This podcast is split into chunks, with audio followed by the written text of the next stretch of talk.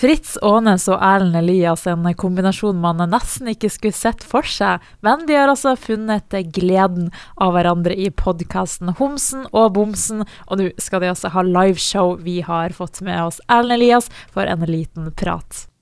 Hallo, hallo. Hvordan eh, står det til? Jo, det går fint. Jeg er akkurat eh, ferdig eh, på en, en jobb. Nå sitter i bilen på vei hjem. Ja, og nå til helga så skal jo du og Fritz Aanes eh, spille liveshow av Homsen og Bomsen i Bodø. Er dere klar? ja, altså eh, Man kan jo ikke være noe annet enn det. Hva tror du den største forskjellen blir da nå å ha liveshow eh, versus når dere bare sitter der i studio og koser dere? Ja, nå blir jo det Jeg vet ikke hvilket nummer det blir, men uh, jeg, tror vi, jeg, jeg tror det er på en liveshow nummer 25 eller noe sånt. Så, men det blir jo for typ det største publikummet. Tror ikke det, jeg tror ikke det har vært med så mange uh, i salen samtidig. Så det kommer til å bli um, kjempespennende. Også Bodø. Det er jo en helt fantastisk by som jeg gikk barnehage i. Så det tenker jeg også er, er veldig stort for meg. Syns du det er litt sånn tyggere å være litt i nordlige trakter og ha show? Ja, det er jo i Nord-Norge hjertet mitt bor. Det er det jo. Absolutt. Så, og det er jo de folkene som, uh, som er mest lik meg, og jeg føler meg mest lik. og sånn. Så det er jo Ja, det er Nord-Norge igjen. Nord-Norge, den er der, det er der man er fra, føler jeg. Så det tenker jeg. Og så er jeg jo veldig nysgjerrig på denne relasjonen dere imellom. Hvordan oppstod det her litt ja, uventa vennskapet? Jeg så han jo når uh, han var åpna kjøpesenter eh, i 2001 eller et eller annet da jeg videregående i Narvik. Og så har vi jo vært venner på Facebook og så har vært i en, en par bursdager. Så hadde jeg en TV-idé som jeg drev og jobba med i 2015 eller 2016 om nordlendinger som flytta til Oslo og hadde lyktes, eller ja. Så, og da spurte jeg han om han ville kanskje være med på det.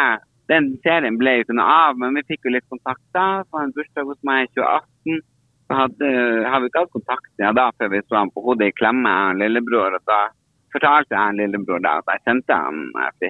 Eller kjente og kjente, jeg visste hvem han var. Men at ikke jeg opplevde han så sjuk i hodet som på TV. Men uh, jeg har tydeligvis vært heldig, jeg. men da var det min bror som kom på den ideen at det her har vært veldig gøy å se dem to sammen. Tror du det funka veldig bra fordi dere er såpass forskjellige? Tror du det ligger noe i det der motsetninger tiltrekker hverandre litt? Ja, det tror jeg absolutt. Det hadde sikkert fungert hvis vi hadde vært veldig like også, men da hadde det blitt et helt annet show. Sånn som nå får vi jo folk til å komme og se på som er ekstremt ulik meg og ulik han. Jeg tror, liksom, tror det er, jeg tror det er noen ting med motsetningen tiltrekker. Og så mm. ser jeg jo at det er veldig mange andre typer folk som ser på showene. Samtidig som det er de som kommer på mine vanlige show, men mange ekstra annerledes folk. Og det syns jeg er veldig stas. Jeg tror at vi trekker veldig forskjellige publikum. Jeg tror at det er veldig mange menn som tør å bli med konene sine nå når han sitter med at de bruker han som alibi. Mm. hva, er liksom, hva har du lært av Fritz da gjennom denne poden, og hva tror du han har lært av deg? Nei, jeg tror jeg har lært at alle kan han har vel lært at alle ikke kan danse på hans pipe. Uh, selv om han er trener og stor og sterk og ser farlig ut. Mm.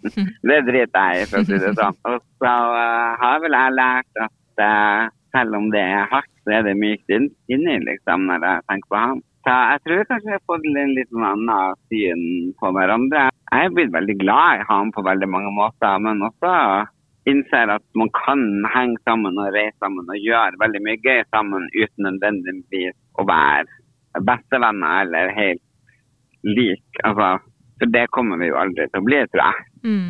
Og så lurer jeg på, da, fordi du har jo deltatt på en del sånn realityshows. Hvis du skulle ha dratt med deg Fritz på ett realityshow hvis dere skulle gjort det i lag, hva hadde du frista han med da?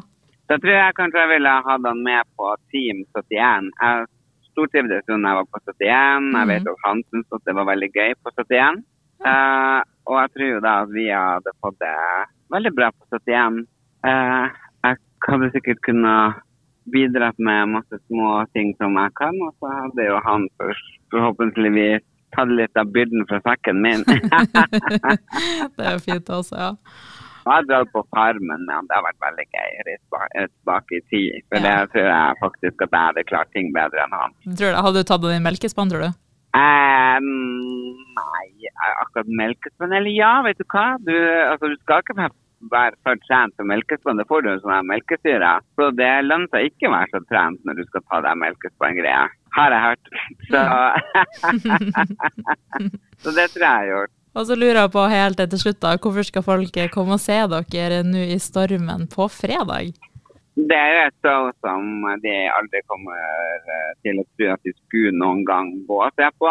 Og det er jo et show de kanskje aldri kommer til å få se igjen. Er, jeg vil jo si at det vi har er unikt. Og nå har jeg reist så mange år rundt omkring med veldig mange andre sentemennesker og alene, og jeg hadde det veldig gøy.